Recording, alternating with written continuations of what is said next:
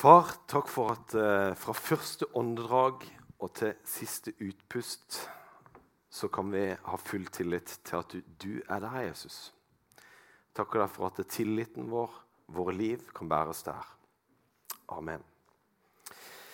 Tusen hjertelig takk. Det var jo utrolig sterkt og fint. Den sangen er en av mine. Den liker jeg godt. Men eh, så prøv å samle meg litt her. Eh, jeg heter altså Håvard Haugland, og jeg er altså far til tre herlige gutter og gift med ei nydelig kone. Og jeg har jo jobba som konfirmasjonsleder i mange år, og det virkelig elsker jeg. Og er fantastisk. Det er gjeng, altså. For en bra gjeng. Eh, og så innser jeg jo at jeg er blitt 40 år. Og jeg skjønner jo det når jeg ser på sveisen de sin. Altså, For når jeg var konfirmant, da hadde jeg også mitt chill. det er ikke tull engang. Altså, men eh, vi, hadde, vi, hadde, en sånn en liten eh, sånn, Vi tok litt voks i, på fingrene, og så gjorde vi sånn. Sånn at det ble eh, Det var skikkelig bra. Eh, det mest sårmodige oppdagelsen min av å bli 40 år, det var når jeg var hos frisøren for ikke så lenge siden. Eh, og, og, så tenker jeg at det, det begynner å bevege seg litt bakover noen steder. Jeg tenker at det liksom går fint, og jeg har jo fortsatt sveis og hår. Og alle de tingene. Og han klippa, og det var god stemning der. og liksom, ja, perfect. Og så når han var akkurat ferdig, så sier han Du, eh, skal jeg ta og klippe øyenbrynene dine? og jeg, var, altså jeg ble tatt så på senga, altså helt seriøst. Jeg var, så jeg, jeg bare OK, kjør på! så så der har dere litt om meg.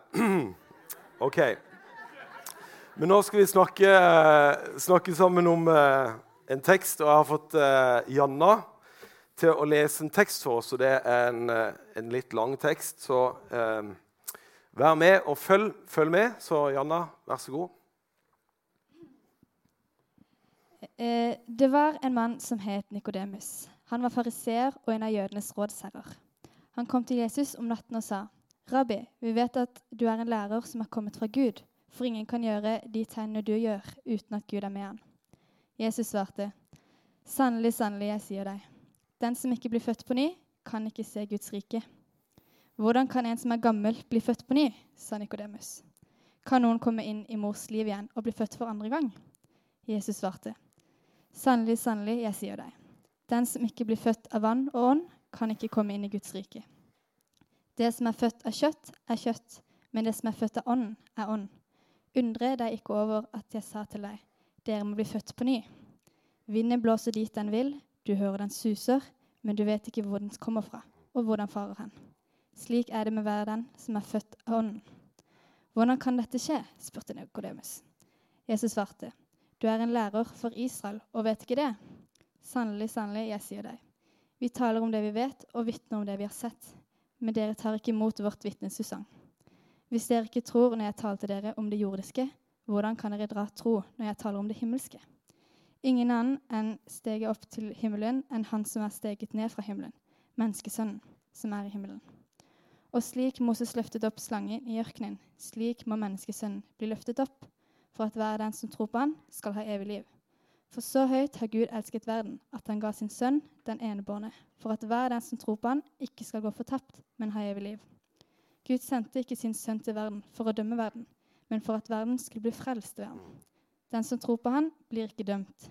Den som ikke tror, er allerede dømt, fordi han ikke tror på Guds enebårne sønns navn. Og dette er dommen. Lyset er kommet til verden, men menneskene elsket mørket høyere enn lyset, fordi deres gjerninger var onde. For den som gjør det onde, hater lyset og kommer ikke til lyset, for at hans gjerninger ikke skal bli avslørt. Men den som følger sannheten, kommer til lyset, så det skal bli klart at hans gjerninger er gjort til Gud.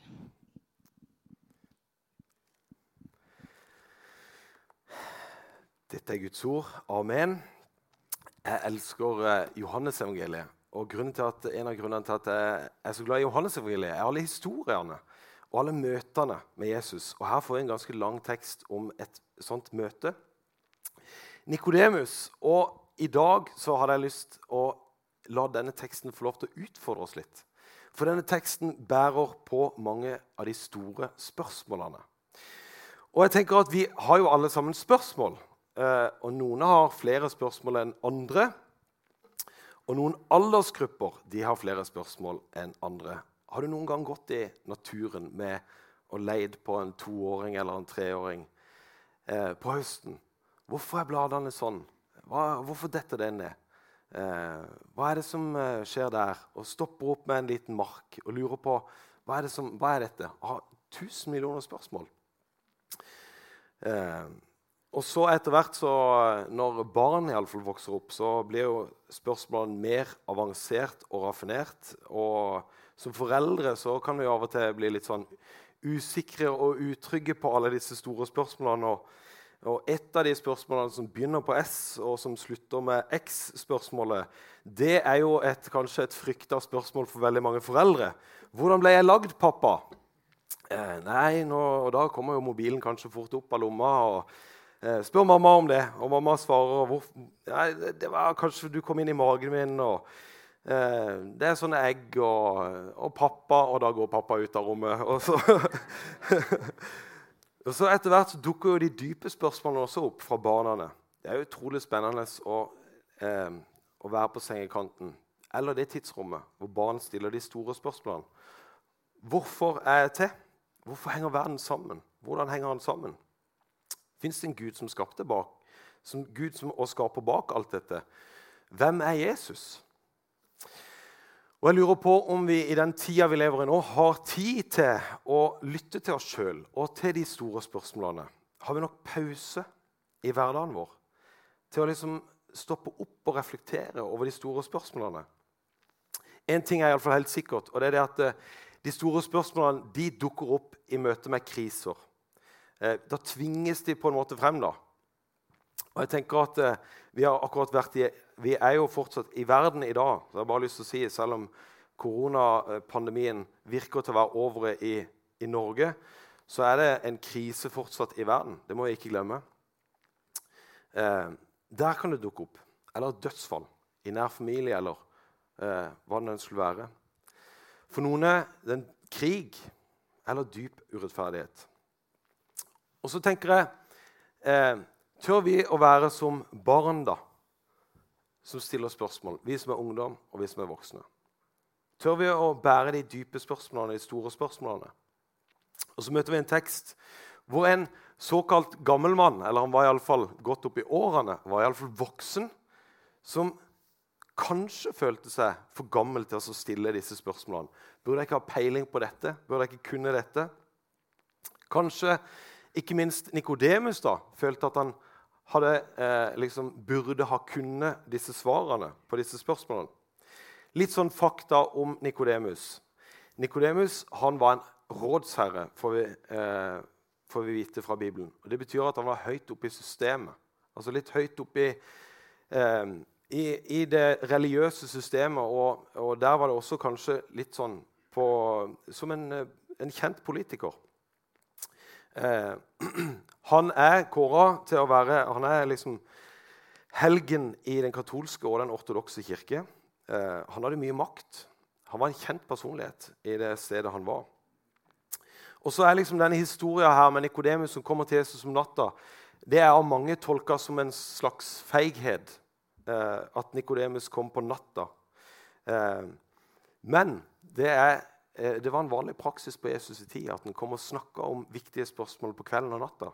Så jeg tenker det at eh, Nikodemus ikke var feig, men han var en religiøs leder som faktisk alvor, eh, hadde alvor i oppgaven sin og det han skulle være. Og turte å stille spørsmål om denne Jesus som i de religiøse miljøene på den tida var på alles lepper. Hvem var han? Hva skulle han? Og hvordan forklarte Jesus det han gjorde? Og Nikodemus han var en modig mann som vågde å stille de store spørsmålene. Spørsmålene som faktisk gjorde noe med hans forståelse. Fordi at Vi møter Nikodemus tre ganger i, Nico, i Johannes evangeliet. Den første gangen er vi blitt kjent med. Den andre gangen vi møter Nikodemus, da er Nikodemus sammen med rådet, sammen med de som er høyt oppe i dette systemet, og forsvarer Jesus.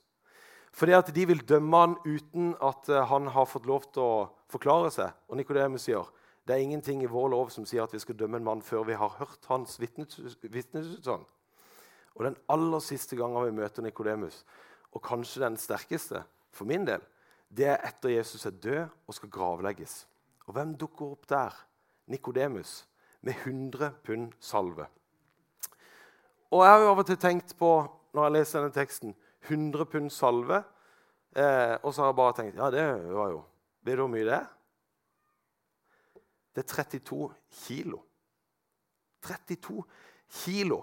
Og Jeg tenkte jeg skulle illustrere det litt for dere. For det er jo en eh, Jeg følger litt med på, jeg er glad i tur og følger med på 71 grader nord. Det er en godt pakka svær. Det er en tung 32 kilos sekk som er skikkelig tung å løfte. Jeg måtte bare Det er, det er dyner i altså. Men en, en sånn, altså jeg har tenkt på Hvordan brakte Nikodemus disse her, eh, salva? Var det trillebår? Var det tjener? Hva var det? liksom? En ting som er i alle fall helt sikkert, det var ikke sånn du putta i lomma, sneik deg av gårde om natta, og så var det liksom bare der. da.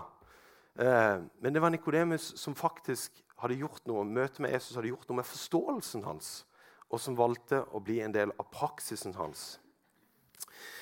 Og I dag så ble vi utfordra til å stille, følge Nikodemus inn i de store spørsmålene. Min erfaring er at vi ikke stiller de store spørsmålene og stopper opp i det samfunnet vi lever i. Og Vi blir fora med alle svar gjennom duppedingser og blir overstimulert fra morgen til kveld med apper eh, og serier som stimulerer dopaminsenteret i hjernen vår, som påvirker tankene og handlingene våre. Den Hjernen vår den er plastisk, den er formbar. Og så vanene vi liksom blir en del av, det, det blir også mønstrene vi gjør. Og det er jo Av og til en kan stille spørsmål om eh, vi burde ta et oppgjør med Instagram-feeden vår eller Snappen eller hva det nå skulle være. Jeg opplever at vi på mange vis lever i et ganske overfladisk samfunn som ikke tør å stille de store spørsmålene. Som er mer opptatt av det helt nære. Det er bil, mat, hus, fotball, vær, kropp. Alle de der eh, viktige tingene. Eh, ja, det er jo viktig med hus, mat, bil, klær, ny telefon, bla, bla. Men vi vet jo alle sammen at på et eller annet tidspunkt så er det virkelig ikke viktig lenger. Og ikke møte med kriser. Da er det ikke viktig om du har lån i banken, eller om du har eh, penger er pluss på kontoen. Da stiller du likt. Som pastor så bør man ikke være redd, og det har jeg jo jobba som. Og jeg er fortsatt eh, redd for de store spørsmålene. Og jeg er ikke redd for å stille de heller til folk rundt meg. Så jeg kan ofte sette meg ned på fly eller bussen eller en samtale. Og, og min erfaring er at det faktisk er få som er trent til samtalen om tro i Norge. Til de store spørsmålene. Jeg kan stille spørsmål som enkelt som 'Hvem er Jesus for deg?' Eh, og så blir det truende. Eller 'Hva tror du på?' Eller 'Hva tenker du om tro?' Eller hvordan praktiserer du tro? Og hvorfor blir disse spørsmålene her, som er egentlig viktige, så truende? Folk blir på bakbeina med en gang. Det blir personlig og farlig. Eh, og den vanlige nordmannen er dessverre ikke så tøff i møte med de store spørsmålene. Og jeg som stiller spørsmålene, jeg føler meg jo av og til som i kategorien litt sånn ko-ko. Upassende, for frimodig. Og i alle fall hvis jeg begynner å snakke om mine opplevelser og erfaringer med Gud Da kan noen begynne å rynke litt på nesa eller begynne å tenke. Høre Guds stemme. Hvem er Den hellige ånd? Tro på Jesus. Nordmenn kan diskutere. De kan diskutere abort, seksualitet, alkohol osv. Vi kan diskutere og mene hva som er rett og skadelig. Og flere i samfunnet vil jeg oppleve, så opplever vi mer og mer at tro blir en del av det segmentet som kunne kalles cancel culture. Hvor det ikke blir en del av samfunnsdebatten lenger. Jeg hørte nylig en kjent humorist i Norge som sa i beste sendetid på TV og så brukte han i en sammenheng der så brukte han de, de slemme kristne, sa han. Og så mente han det litt som humor, men det var et dypt alvor i det. Han, han mente det som alle. Alle kristne er jo slemme. Og så liksom sånn. Og da er det liksom litt farlig da, å faktisk snakke om de store spørsmålene. I jobben min som, eh, når jeg var i Oslo og studerte teologi, så jobba jeg i Jølster begravelsesbyrå. og Der satt vi to og to i bilen. Og det var eh, greit nok, det. Jeg er jo glad i å prate. Eh, og det var mange som ville eh, diskutere og snakke med meg om alle de der vanlige tingene. Liksom. Hva tenker du om alkohol og sex og samboerskap? Det er jo lett å trekke med, da. Sånn, så eh, gi meg litt vann på mølla, så er jeg i gang. Og, så, og vi diskuterte og snakka og jeg vet ikke, jeg syns ofte de der samtalene der endte sånn litt sånn halvveis. Eh, eh, følte at vi prøv, prøvde å vinkle samtalen inn på, på, på, en god måte. Og jeg hadde lyst til å snakke om tro. Og så, så ble jeg så lei av det der, og denne diskusjonen hele tida. Så en dag så hadde jeg bestemt meg før jeg gikk inn i bilen, at jeg skulle endre samtalen. og det jeg gjorde, det var det at eh, når de der spørsmålene om diskusjonsspørsmålene kom opp, så sa jeg at Vet du hva? Helt ærlig, jeg syns du stiller helt ræva spørsmål. jeg tror jeg sa noe sånt som det. Så sa jeg jeg syns det er så kjedelige spørsmål du stiller. Eh, og det, det, jeg mener med det, da, det er det at eh, det er helt greit å ha disse spørsmålene. Men hvis du virkelig er opptatt av å bli kjent med min tro, så må du stille andre spørsmål. Da må du stille andre spørsmål som handler om hvorfor ber du? Hva betyr Jesus for deg i din hverdag? Hvordan ser det ut? Eh, hvorfor går du i kirke? Hva betyr det? Har det, har det hatt noe betyd for livsvalgene dine? Og så jeg, skal ikke, jeg skal ikke si at det ble en sånn super oppestemning i den bilen der. Men, eh, men jeg koste meg egentlig litt, da. For jeg var så lei av diskusjonen. Og så hadde jeg så lyst til å snakke om hva som egentlig var, som betydde noe for meg, og som var viktig for meg. Ikke bare de der samtalene. Og så var jeg jo litt frustrert over hvor lite plass det er da, til å snakke om nettopp det i disse samtalene. Dere konfirmanter skal inn i et spennende år. Og Da har dere muligheten til å stille de store spørsmålene. Dere har muligheten til å bli kjent med hvem er Jesus, og åpne opp på samme måte som Nikodemus. Det finnes ingen dumme spørsmål. Det er bare av og til at en blir voksen, og så tror en at en har alle svarene. Men en har jo ikke det. Jeg pleide å si det til konfirmantene. og hadde det at det er jo lett å tenke på den der store pengepremien, eller var det gaven på slutten? Som liksom sånn der, jeg skal konfirmere meg og begynner allerede å planlegge innkjøp av diverse ting. eller hva det nå skulle være. Og så tenker jeg det er jo greit, da. Det er jo greit med de tingene du skal kjøpe. Men dette her kan virkelig være et år i tidslinja di som kan endre det for alltid. Som kan være noe med å gjøre noe med hvordan du tenker om verden henger sammen. Og hvordan det er det. Og Det er jo ikke sikkert at du kommer fram til den konklusjonen som jeg har kommet fram til, at Jesus lever. Men jeg har i alle fall lyst til at du skal være modig inn i den samtalen med deg sjøl og stille deg spørsmålene. Og så er det jo ikke bare konfirmantene som sitter her som trenger en utfordring på samtalen. Det er jo alle vi her. Og Noen av dere er kjent i kirka, og noen av dere er ikke kjent i kirka. Men alle sammen av dere trenger å stille de store spørsmålene og trenger å møte der om du har gått lenge i kirka eller kort i kirka. Da vokser vi. Jesus sier at vi skal bli som barn. Og barn de har mange spørsmål. Så jeg håper at når du går ut av kirka her i dag, så går du ikke ut som en voksen med 'Jeg har alt sammen klart', men du går ut som barn med mange spørsmål. Undring, mysterie. Hvem er han? Jeg har lyst til å ta tak i ett av de store spørsmålene. Er dere klare for det nå? Et av de store spørsmålene som blir stilt i denne teksten, her, det er hvorfor. Hvorfor ble Jesus sendt til jorda? Og det er jo, Vi feirer jo jul, og vi, vi liksom gjør klar til, til, alle de tingene der. Men det er jo av og til det er, jo, det er få jeg mener i juleserien som tenkte hvorfor skjedde egentlig dette? Hvorfor ble Jesus sendt til jorda? Og Et av de mest åpenbare svar kanskje, det er jo det som teksten sier her sjøl.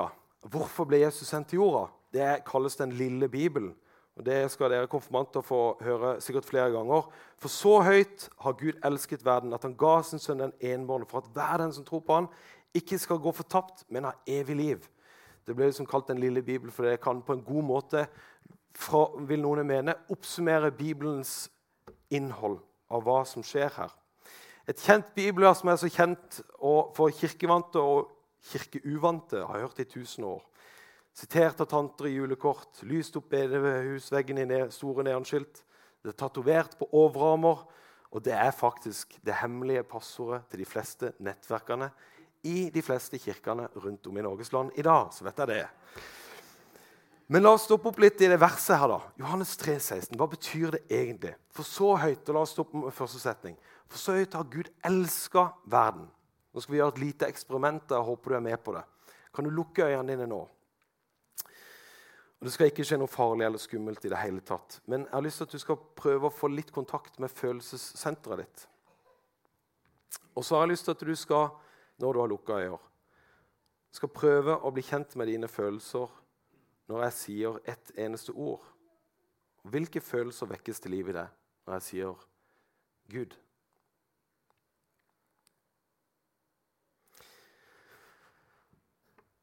Det skal slippe å rekke opp hånda eller svare.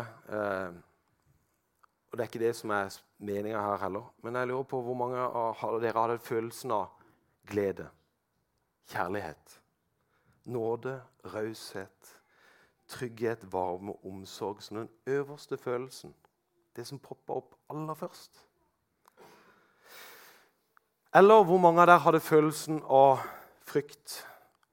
Har jeg gjort noe galt? Redd, forakt, misforstått gudsbilde vil jeg mene er en av de store utfordringene i det norske samfunnet i dag. Vårt vrangforestilling av hvem Gud er. For så høyt har Gud elsket verden. Ikke for så høyt har Gud hata verden. Hvor mange er det egentlig som ser på Gud som en kjærlig Gud? En som er drevet av kjærlighet i absolutt alt han gjør? For det er det Gud er. Vi kan eh, gjøre ett til eksperiment, hvis jeg lukker øynene.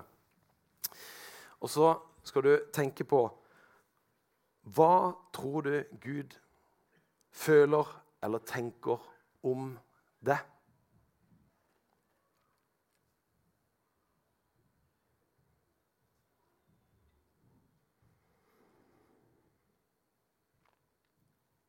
Og på samme måte så, så, lurer jeg på hvor mange av dere hadde en følelse av distanse? En følelse av uviktig, kanskje? En følelse av feil, ikke god nok, unødvendig, overflødig? Eller hva var følelsen? Det kan jo hende det var 'elsker'. Han elsker meg, han gjør alle de tingene der. Og så flott hvis det var sånn. Men jeg tror veldig mange av oss når vi tenker på Gud, så tenker vi at han er en annen enn den han sier at han er. Og når han tenker på oss, så får vi de samme dårlige følelsene. Jesus sier om djevelen i Bibelen at han er en motstander, en diabolos. En som er kommet for å splitte, herske og ødelegge mennesker. Av og til så lurer jeg på om tankene våre er sånn. En motstander mot oss som skal splitte og ødelegge og herske over deg. Som sier noe om hvem alt det gale du er, eller den du ikke er. Og som prøver å splitte deg som personlighet og ikke gjøre det heil. Guds stemme vil alltid være drevet av kjærlighet. Drevet av å lene deg inn til en mer helhet og til en, eh, et, et, eh, et, en, et fellesskap sammen med deg faktisk elsker Gud så mye at han ikke bare elsker deg. Altså, I eh, 'elsker verden' det står ikke bare det. Sånn, det er noen talere som har sagt det, og da elsker han Trine Lise og Petter og alle de der tingene. Og det er sant, da. Men ordet som blir brukt her på gresk, det er kosmos. For så høyt har Gud elsket alle stjerner. Melkeveien og alle, alle liksom Alt! Så høyt har han elska kosmos at han sendte sin sønn. Så det er ikke bare mennesker, men det er hele universet. Så første svar på hvorfor Gud sendte Jesus til verden, er av kjærlighet.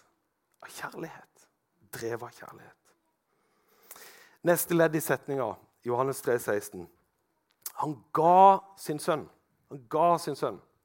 Jeg har lyst til å si det i dag, at Gud elsker å gi. Gud elsker å gi. Det er hans person. En ny misforståelse av en religiøs forståelse av hvem Gud er, er at han kanskje er en gjerrigknark, at han holder tilbake, at han liksom vil skjule kortene for oss, eller at han ikke vil gi gode svar, eller hva det enn skulle være. Men det, det motsatte er sant. Han elsker å gi. Han elsker å gi. Han ga seg sjøl og bedre gave enn det kan vi ikke få. Vi erfarer det også når vi blir litt eldre, at det er gøyere å gi enn å få. Eh, det er en større glede når du ser den der, eh, gleden i noen. Når du virkelig har truffet med en gave, og du ser gleden der.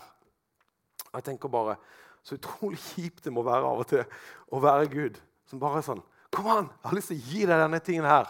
Så, og så er det sånn Nei, nei, nei, det er altfor mye. Jeg kan ikke ta imot det. Eller eh, altså, den der, altså, Du føler deg altså så eh, Når du gir en gave, og du får det der svaret der Det er utrolig Gjør noe med det. Ikke sant? Men Gud han er bare Jeg har lyst til å gi, jeg har lyst til å gi, jeg har lyst til å gi. Til der og der og der og der. og der.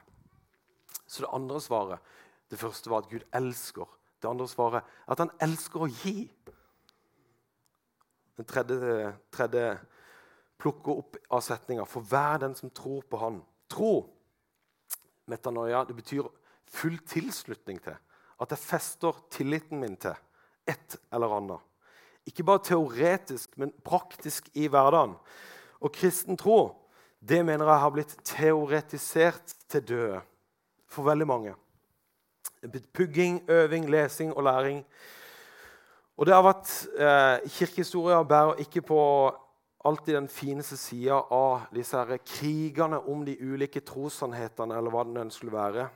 Få en ny kunnskap, tro de rette tingene. Men troen er så mye mer. Troen er så mye mer enn meninger og rette sannheter. eller hva det er. Tro er ment til å bevege. Tro er ment til å synliggjøres i hverdagen og gjøres praktisk og tilgjengelig.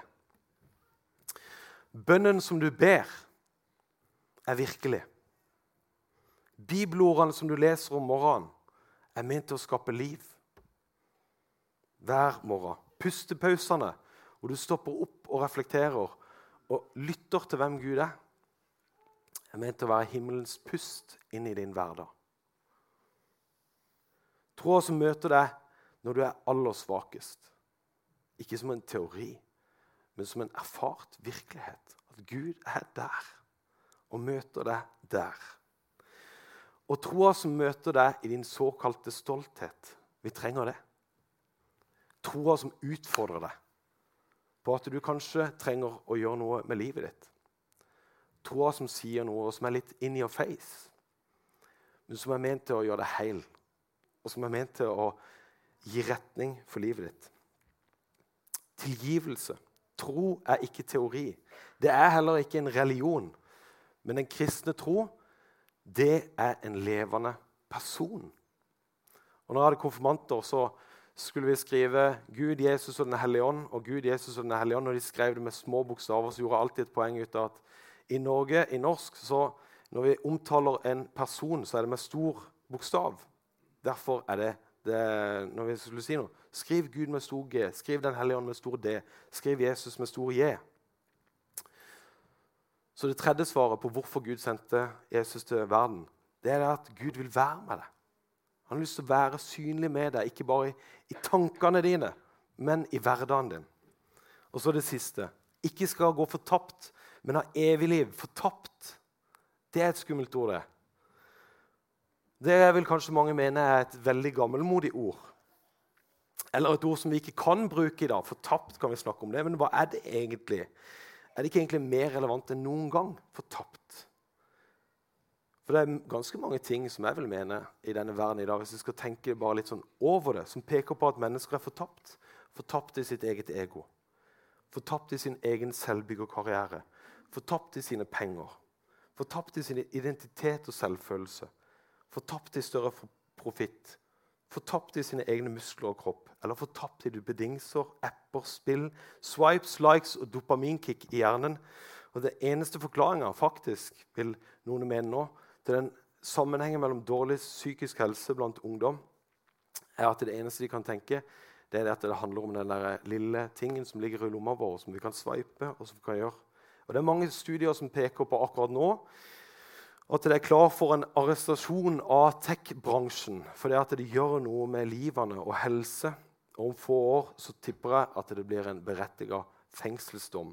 En av tech-produsentene sa at 20 år fram i tid så kommer vi til å tenke på det vi har i lommene våre, som eh, Han sammenligna det med røyking- og tobakksindustrien. og så sa han at eh, Røyking- og tobakksindustrien de var gode på å selge inn sitt budskap, og de ødela lungene dine. Tech-bransjen den stjeler sjelen din. Strever og kravler. Bøter på dypere lengsel og etter noe mer. Med større, flere gode, eh, goder, råere naturopplevelser, nyeste tingen ender opp med en tomhetsfølelse. Det finnes ingen politiske beslutninger. Det finnes ingen politiske beslutninger eller gode intensjoner. Eller en halvkved avis om at ja, ja, vi er jo gode på bunnen, da, type mentalitet. Eller organisasjoner eller mennesker som kan løse problemet med menneskets natur og ondskap. Det er Jesus. Og er det noe som jeg vil mene denne verden trenger, så er det frelse.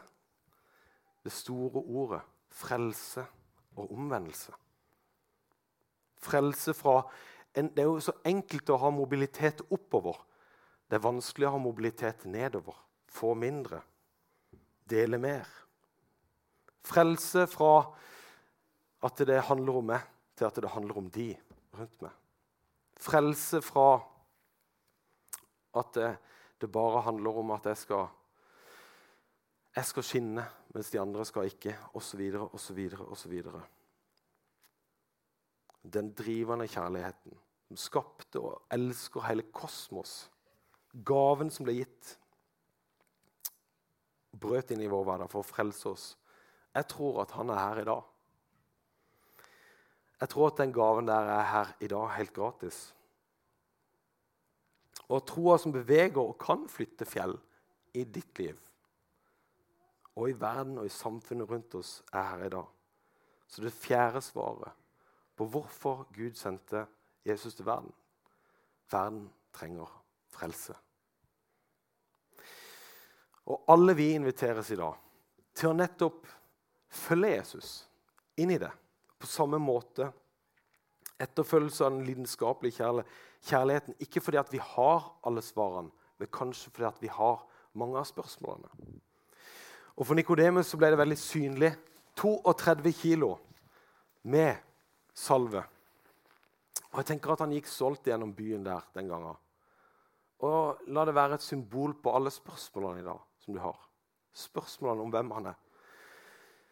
Men som også handler om å være underveis.